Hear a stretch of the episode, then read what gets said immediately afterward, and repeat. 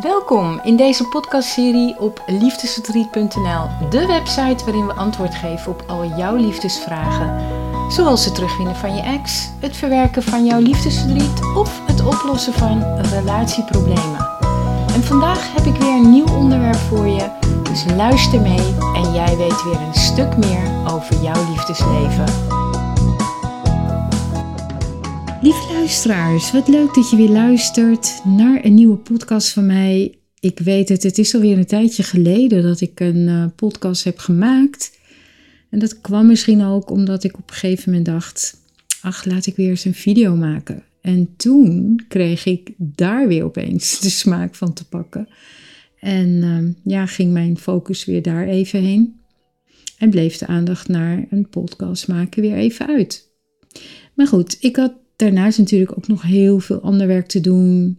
Hè, zoals de gesprekken en de sessies die ik heb gedaan ook weer in de laatste tijd. En ik merk steeds meer dat ik daar de meeste voldoening eigenlijk ook uithaal. Want door het in contact zijn met mensen die liefdesverdriet hebben of andere gerelateerde emotionele pijn doen.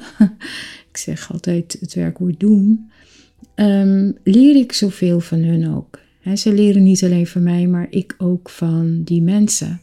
En ik vind het altijd erg boeiend ook om te ontdekken hoe mensen denken wanneer ze liefdesverdriet doen. zoals ik net al zei, ik gebruik het liefst het werkwoord doen, want daarmee laten we zien dat, ja, dat het belangrijk is om eigenaarschap te nemen over datgene wat je doet.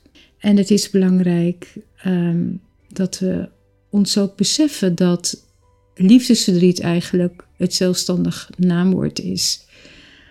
En dat heeft ook voor iedereen een andere betekenis. En zo ontdek ik dus ook hoe mensen verschillend denken. Dat de structuur van hun denken steeds anders kan zijn. En wanneer die mensen zich dan geholpen voelen, ja, dat is natuurlijk ook een hele fijne beloning voor dat werk wat je dan doet als therapeut. En dan krijg je ook echt de smaak te pakken naar nog meer. Hè? Je raakt dan gemotiveerd en dan wil je alleen nog maar meer weten, nieuwe trainingen volgen, nieuwe boeken lezen. ik heb zo'n stapel boeken liggen nog die ik nog moet lezen. En uh, ja, en dan zit ik weer in mijn hoofd met, uh, oh ja, ik wil daar nog iets over schrijven. En dat, uh, dat alles maakt dat ik dan aan het eind van de dag denk: oké, wat heb ik nu gedaan vandaag? En heb ik nu wel genoeg gedaan? Ben ik tevreden over wat ik heb gedaan? En ja, soms is het antwoord dan nee. En dan voel ik dat ik meer had kunnen doen. Ja, dat, dat is dan weer dat deel in mij wat nogal neigt naar perfectionisme. En dan gaat er bij mij weer zo'n alarmbelletje af, weet je, dat ik zeg van oké, nu even weer de rust vinden in jezelf om zodoende weer nieuwe energie te kunnen geven aan anderen. En ik gun jou dat ook, dat je die rust in jezelf gaat opzoeken aan het eind van de dag, tevreden kunt terugkijken op wat je hebt gedaan. En dat je je afvraagt, is het nog steeds in lijn met het doel wat ik wil bereiken in mijn leven? Maar enkele weken terug heb ik een mail de deur uitgedaan met de vraag wie er mee wil doen aan een onderzoek over liefdesverdriet, omdat ik daar een superkrachtige techniek voor heb geleerd. Uh, wat maakt dat mensen heel snel van die emotionele pijn afkomen. En dat is mij ook dan opgevallen als ik al die uh, formulieren die die mensen hebben ingevuld voor dat onderzoek om daarin mee te doen, hebben ingevuld Ehm, dat ik kan opmaken van, ja, er zit bij heel veel mensen een innerlijke overtuiging, ik ben niet goed genoeg. En daar wil ik het graag in deze podcast over gaan hebben. En de vraag bespreken hoe het komt eigenlijk dat mensen zo vast blijven zitten in deze overtuiging en pijn. En er gewoon jarenlang mee blijven zitten en daar vervolgens dan ook helemaal niks aan doen. Ja, dat, dat verbaast mij dus gewoon. En ik weet dat er heel veel mensen zijn die, wanneer ze last hebben van liefdesverdriet, stress, angst of een burn-out of wat dan ook voor emotionele pijn, dat ze als eerste gaan aankloppen bij een psycholoog. En dan gaan ze een traject aan van een aantal sessies. Ja, en van die mensen hoor ik heel vaak dat ze, wanneer ik vraag, ja, wat heb je eraan gehad? Dat ze dan zeggen, ja, ik heb mijn hart kunnen luchten. Ik heb mijn woordje kunnen doen, maar ja, ik zit nog wel steeds met dat gevoel. Dus ik begrijp wel heel veel dingen. Ik heb wel meer inzicht gekregen over mijn gedrag en het effect daarvan. Maar ze zitten dan nog wel steeds met dat ene gevoel. Ik zeg niet dat dat bij alle mensen zo is, maar het valt mij heel erg op dat in de eerste plaats dus mensen heel lang blijven lopen met liefdesverdriet of ja, gewoon emotionele pijn. Dat ze vervolgens dan naar de psycholoog gaan als eerste. En als ik dan vraag wanneer ze bij mij komen van ja, wat, wat heb je daar dan geleerd?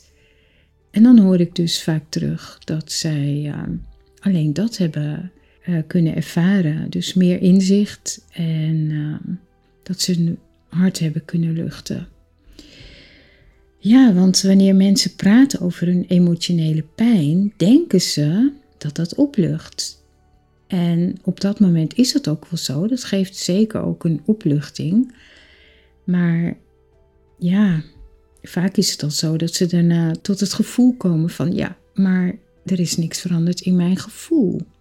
En dus dan hebben ze na een tal van sessies bij de psycholoog nog steeds niet echt kunnen helen in zichzelf en weten ze ook niet hoe ze dat in hunzelf kunnen transformeren.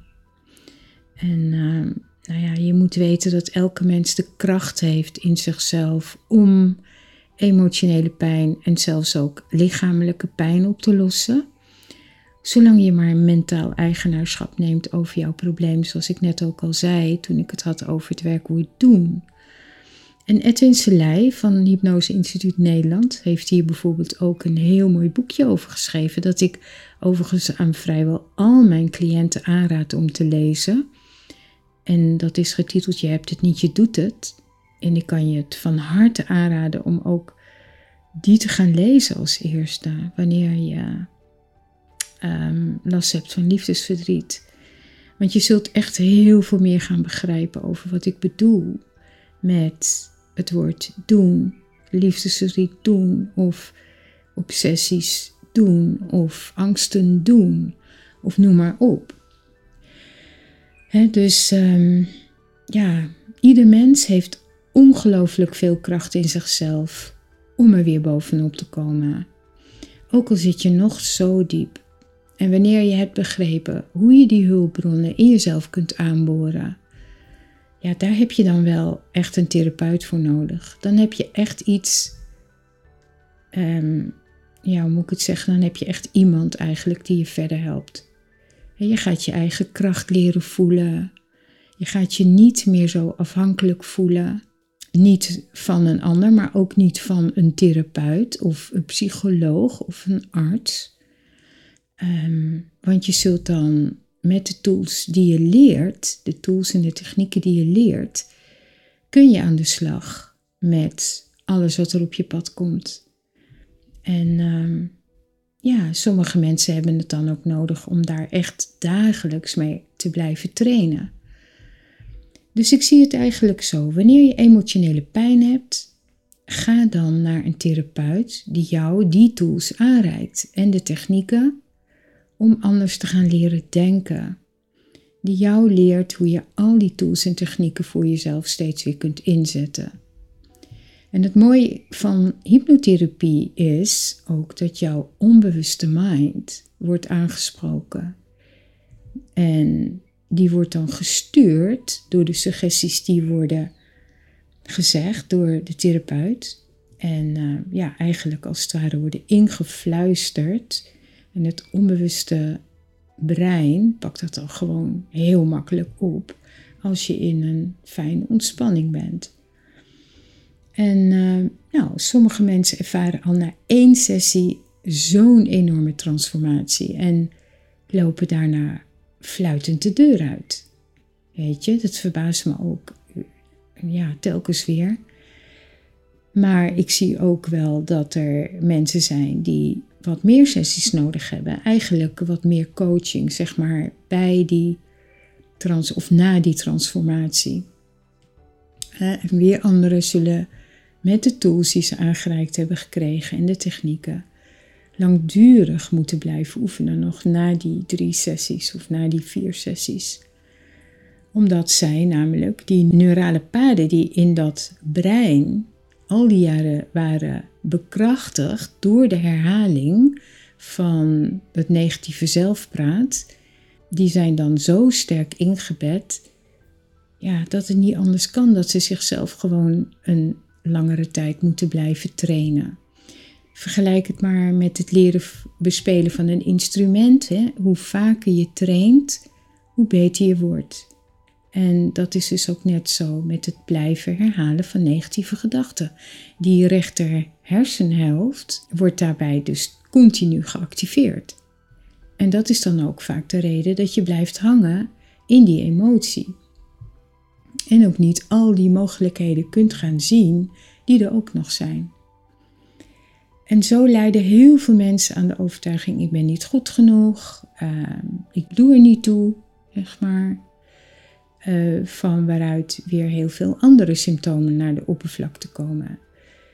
En ze kunnen verzanden in een burn-out, of ze gaan aan de drugs, um, of ze sluiten zich af van hun omgeving. Ze verbreken relaties om er niet die pijn te hoeven voelen. En dat zijn dan allemaal symptomen die een uiting zijn van vaak een kinderwond. En dat weet elke psychotherapeut, psycholoog, hypnotherapeut of welke therapeut dan ook. En want vaak is alles gewoon ook terug te leiden naar die kindertijd. En als die kinderwond dan niet wordt geheeld, ervaart men dat men steeds weer getriggerd wordt met het gevoel van verdriet, angst, depressie als gevolg.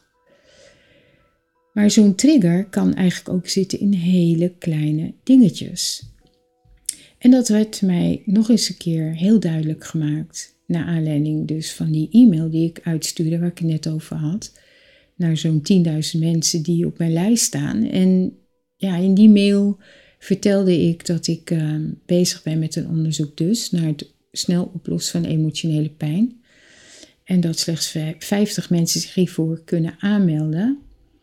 Ehm, en dat is omdat ik um, nou recentelijk zeg maar weer een nieuwe fantastische techniek heb geleerd waar ik super enthousiast over ben.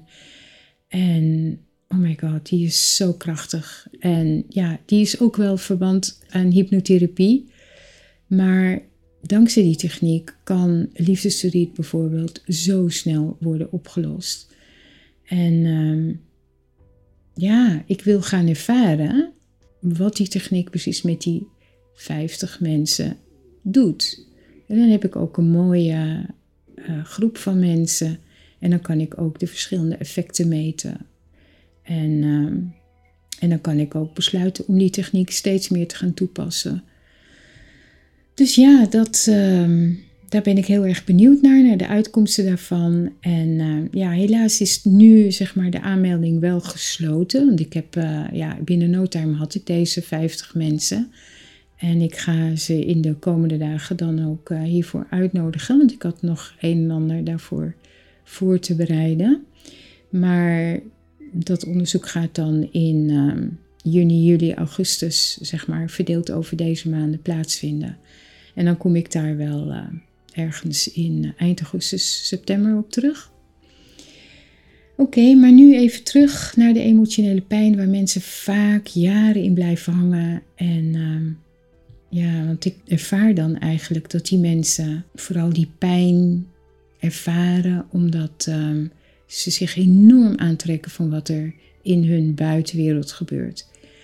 Dus ze denken bijvoorbeeld continu aan al die zinnen die hun ex heeft gezegd. Of ja, dat en al die pijnlijke momenten. Of ja, vaak ook wel de laatste periode vlak voordat die ex had besloten om de relatie te beëindigen. En dat wordt zo ongelooflijk belangrijk gemaakt. En dat heeft ook een reden. En daar kom ik zo nog even op terug. Maar even tezijde, voordat ik verder ga. Misschien zeg je nu wel belangrijke reden, maar het is toch ook belangrijk dat wat een ex zegt of doet als die ex je bijvoorbeeld afwijst, dan is het toch logisch dat je die emotionele pijn voelt. Ja, of het logisch is, natuurlijk is het logisch dat mensen daar dat zo beschrijven ook. Maar ja, of het handig en wijs is om je daar dan op te blijven focussen, is natuurlijk een ander verhaal. Er zijn echt heel veel mensen die dat doen, hè, die bijvoorbeeld dus jarenlang daarop gefocust blijven en die dan ook continu blijven zeggen van, ja, ik voel me zo vreselijk. En dan schalen ze hun pijn in op een schaal van 0 op 10 en de cijfer 8. Dus dan denk ik, oké, je hebt je dus jarenlang gefocust op pijn die veroorzaakt wordt door een ex. Nou, ik vind dat gewoon heel interessant, weet je, want wat maakt dan dat je die keuze hebt gemaakt om je daarop te focussen? En dat klinkt misschien heel gek, want ik heb het nu over een keuze. En dus ik weet nu gewoon dat er mensen zijn die zeggen een keuze, maar je kiest er toch niet voor. Die die doet dat toch? Die ex is toch de veroorzaker dan van die emotionele pijn? Oké, precies. Dat is dus precies wat nu maakt dat die mensen op dat punt vast blijven zitten, op liefdesverdriet. Het is dus het toelaten van die energie van die ex. Of het niet goed weten wat je het beste met die negatieve energie kunt doen, zodat het beter voelt. En dan kun je natuurlijk ook nog mijn vorige podcast beluisteren. Ik geloof dat het nummer, even denken, nummer 18 was. Over de reden waarom mensen in een toxische relatie blijven. En daar leg ik dan ook dat hele mechanisme uit van wat er gebeurt in het brein. Dus weer in het kort gezegd, de rechter hersenhelft is dan overactief wanneer er zo'n ervaring plaatsvindt. En je kan geruststellen dat het ook een traumatische ervaring is. En ehm, ja, en dat wil zeggen, de communicatie met de linker hersenhelft heeft dan eigenlijk nog niet goed plaatsgevonden. Wat maakt dat het signaal daar blijft in die, in die rechter hersenhelft. En dat zorgt er dan weer voor dat iemand in de beschermmodus gaat van ofwel vechten, vluchten of bevriezen. En het heeft dus allemaal te maken met een onverwerkt proces in het brein. En daarmee bedoel ik dus ook alle emoties, gevoelens, gedachten die je kunt creëren bij bepaalde gebeurtenissen en de betekenis die aan wordt, daaraan wordt gegeven. En sommige mensen mailen mij, Marjolein, ik begrijp niet dat ik dit codependent gedrag doe. Ik wil hier vanaf. Want codependent gedrag is ook wanneer je heel lang vast blijft zitten in liefdesverdriet. En wanneer ik doorvraag, kom ik dan ook heel vaak uit bij zo'n kinderwond. Het is heel belangrijk dat je dat beseft. Dat eigenlijk nou ja, laten we zeggen, voor 99% van jouw problemen die je in je liefdesleven tegenkomt, terug kunt herleiden naar je kindertijd. Want wat heb jij toen als kind geleerd, ervaren? Want je hebt in de jaren daarna dat patroon steeds weer herhaald. En je hebt dat dan ook gezien in je liefdesleven, ongetwijfeld. Oké, dus om je uit te leggen wat maakt dus dat jij vast blijft zitten in emotionele pijn, is dat je hoopt op een betere uitkomst van datgene wat je als kind als traumatisch hebt ervaren eigenlijk. En naast emotionele pijn wil ik ook meenemen al het gedrag wat jij vertoont in je liefdesrelatie. Dus hieronder vallen ook onzekerheid en de manier hoe je over vreemd gaan denkt, de jaloezie, de wijze hoe je je partner benadert, of je vaak geïrriteerd raakt in een gesprek met je partner, et cetera, et cetera. Dat is allemaal emotionele pijn. En zoals ik net al zei, heeft dat 9 van de 10 keer te maken met je kinderwond. Want als jij in je kindertijd bijvoorbeeld bent gestraft of je hebt minachting ervaren, je bent afgewezen of terechtgewezen en dan opeens werd je weer getroost door je vader of je moeder of wie dan ook. Ja, dat kan niet anders dan dat het gewoon ontzettend verwarrend is geweest. als je bent genegeerd, beschuldigd bent of er zijn gevoelens van schaamte aangepraat. En een paar dagen later heb je weer ervaren dat je vader of moeder het gesprek met je zocht, waarin hij of zij verbaal of met een gebaar om jouw begrip vroeg. Dat kan. Wat denk je dan? Wat er dan op zo'n moment in jouw binnenwereld als kind zijnde aan overtuiging werd gecreëerd? Ja, sta er maar eens even bij stil. Dat is natuurlijk heel verwarrend. En ja, misschien werd er toen ook nog eens verwacht dat je dit begrip aan zou nemen. Om verstandiger te zijn dan je vader of moeder die jou de pijn aandeed. En misschien werd er toen ook van je verwacht dat je elk beetje aandacht die je kreeg van je vader of moeder als een uiting moest gaan zien van liefde voor jou. En misschien werd jou gevraagd om vooral geen problemen te veroorzaken, om je vooral te richten op de verzorging van anderen. En als dat zo is, dan is het natuurlijk niet verwonderlijk dat jij nu emotionele pijn ervaart en een bepaald gedrag vertoont, bijvoorbeeld in please gedrag, jaloezie of wat dan ook.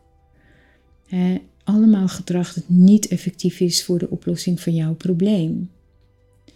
Ja, dus de meeste mensen hebben te maken gehad met onbewuste ouders die dezelfde gewoonten en patronen herhalen die zij weer hebben geleerd. En dat geven ze dan weer door aan hun kinderen. Dus mijn beste tip hierbij is om een start te maken met de heling van jouw emotionele pijn. En dat is te beginnen bij de vergeving te geven aan je ouders, maar ook de vergeving te geven aan jezelf. Dat je dat zo hebt geleerd. En dat het kind in jou dat allemaal aan jou hebt doorgegeven, hebt mee, heeft meegegeven als het ware. Nou, twee weken geleden had ik een sessie met een eh, hele jonge vrouw. Die had heel veel last van liefdesverdriet. Maar zij liet ook een ongelooflijke kracht in zichzelf zien. Um, ze had een heel verhaal verteld over haar jeugd. Ehm, ze was fysiek, ja, er was fysiek geweld gebruikt door haar vader. En haar moeder had zich al die tijd verscholen achter haar vader. Um, en zij ging al heel vroeg het huis uit om ja, uiteindelijk dat ouderlijk huis zeg maar, te kunnen ontvluchten. En ja, ze was al heel vroeg getrouwd daardoor. Maar gelukkig was het haar gelukt om haar ouders te vergeven. En wat ze ook wel zag, was dat zij, ja, dat die ouders ook een bagage hadden die ze hadden geprojecteerd op hun kind. En ze vertelde me dat ze dus nadat ze getrouwd was, dat ze direct nadat ze het ouderlijk huis had verlaten, dat ze al kinderen kreeg. Maar na twee jaar alweer tot het besef kwam van nee, dit, dit huwelijk is het niet voor mij. En ja, ze werd zich dus heel erg bewust dat ze het huwelijk was aangegaan vanwege de stress en onrust in het gezin waar ze vandaan kwam. En ze had daarna alweer heel snel een andere relatie en daarna alweer heel snel nog een andere relatie met een man die eigenlijk niet echt zichzelf wilde committeren in een relatie met haar. Zo wilde hij bijvoorbeeld niet met haar samenwonen en uiteindelijk, na een jaar, verbrak hij die relatie, want hij was verliefd geworden op een ander, met wie hij wel al heel snel was gaan samenwonen. En daardoor voelde deze jonge vrouw zich uiteraard heel erg afgewezen. Nou goed, ik deed een sessie met haar met deze nieuwe techniek dus. Het is een soort EMDR, zeg maar, wat, wat te maken heeft met oogbewegingen, maar veel krachtiger en sneller werkt. En binnen 10 minuten ging ze van een 10 naar een 0. En ze deed haar ogen open en ze zei: Marjolein, het is weg. Ik voel het echt niet meer. En ik dacht: hoe kan dat nou zo snel? Het was echt voor mij de eerste keer dat, uh, dat ik die techniek toepaste. Ik weet nog heel goed, het was een maandag. Ik had zondag die training gehad. Dus ik testte en testte en testte. En ik vroeg haar weer om bepaalde situaties voor zich te halen, om echt daarin te stappen, die we vooraf hadden besproken. En ja, ze kon echt die emotie niet meer terughalen, niet meer voelen. En nou, op een gegeven moment begon ze zo zelfs heel hard te lachen. En zag ze eigenlijk ook de humor ervan in, dat ze dit al die tijd zo lang had vastgehouden. En toen wist ik het.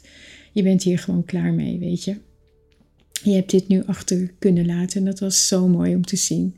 Maar ik moet je wel zeggen, dat is echt wel een hele ja, powervrouw, zeg maar. Die ook heel goed kan zorgen voor zichzelf. Ook bewust af en toe is de stilte opzoekt. eh, om in zichzelf te keren en zichzelf hele goede vragen stelt. Dus hierbij mijn tip, als jij alvast een start wil maken met het oplossen van je emotionele pijn, begin dan, zoals ik net al zei, met het vergeven van je opvoeders. Maar zorg ook heel goed voor jezelf. Stel jezelf goede vragen als: wat wil dit gevoel mij vertellen? Wat is de positieve intentie van dit gevoel? En wat wil het mij leren? En uh, voel de emotie eerder als een positieve energie. Het is heel belangrijk dat je leert om je gedachten te observeren in plaats van dat je jezelf identificeert met je gedachten. Zoals ik ook op liefdesriet.nl slash hypnotherapie heb geschreven, zeg maar. En uh, ga een nieuwe relatie aan met je gedachten en veroordeel ze niet. Want dan ben je al een level hoger op de ladder van bewustwording en maak je al een start in jouw helingsproces. En als tweede tip wil ik je geven om je vooral te focussen op wat je wel wilt in plaats van wat je niet wilt. Waar wil je heen? Dit is heel belangrijk om te begrijpen, want waar jij je op focust zal uiteindelijk ook op je pad komen. Dus als je steeds tegen jezelf zegt: Ik heb liefdesverdriet, wat me verdrietig maakt, kun je beter zeggen: Ik wil me goed voelen en wat kan ik nu doen om dat te bereiken? En als derde tip: Wat geloof ik eigenlijk en wat maakt dat ik dat geloof? En is het een geloof dat mij helpt of juist tegenwerkt? Het is een goed idee om je overtuiging eens in kaart te brengen, dus schrijf het eens op. Pak een A4'tje en noteer die overtuiging eens. Noteer al je geloofssystemen en vraag jezelf af of ze eigenlijk wel helpend zijn of niet. Wat geloof je over jezelf? In hoeverre helpt dit geloof jou? En vanaf, ja, wat is het? Vorige week heb ik een coachboek, 34 dagen coachboek online gezet, die je kunt downloaden als je gaat naar liefdesziet.nl. Dan vind je vast wel ergens een formulier om dat boek te downloaden. En ik zou zeggen, ga ermee aan de slag, want er staan heel veel goede oefeningen in ook. En wanneer je hem downloadt, zul je uh, merken, al lezende, dat, er, dat je een link vindt naar mijn nieuwe audioprogramma Visualiseren kun je leren. Want vanuit visualiseren kun je zoveel mooie dingen bereiken. En uh, daar mag je je gratis voor aanmelden. Dat is nu nog gratis. Ik weet niet hoe lang nog, maar ja, op het moment, en we zijn vandaag uh, eh, 3 juni 2022, kun je nog aanmelden hiervoor. En uh, dan wens ik jou hele mooie dingen daarmee. Je kunt, wanneer je inlogt, daar ook weer een, uh, datzelfde boek zeg maar downloaden. Maar dan krijg je een invulbaar exemplaar. En je kunt dus elke dag al die dingen gaan invullen die ik je vraag om te invullen, in te vullen. En je kunt de oefeningen doen. Dus ja, ik ben heel erg benieuwd naar hoe dat jou gaat helpen. Nou, ik hoop dat je hier wat aan hebt gehad. En zo ja, als je deze podcast op YouTube bekijkt, geef me dan een duimpje.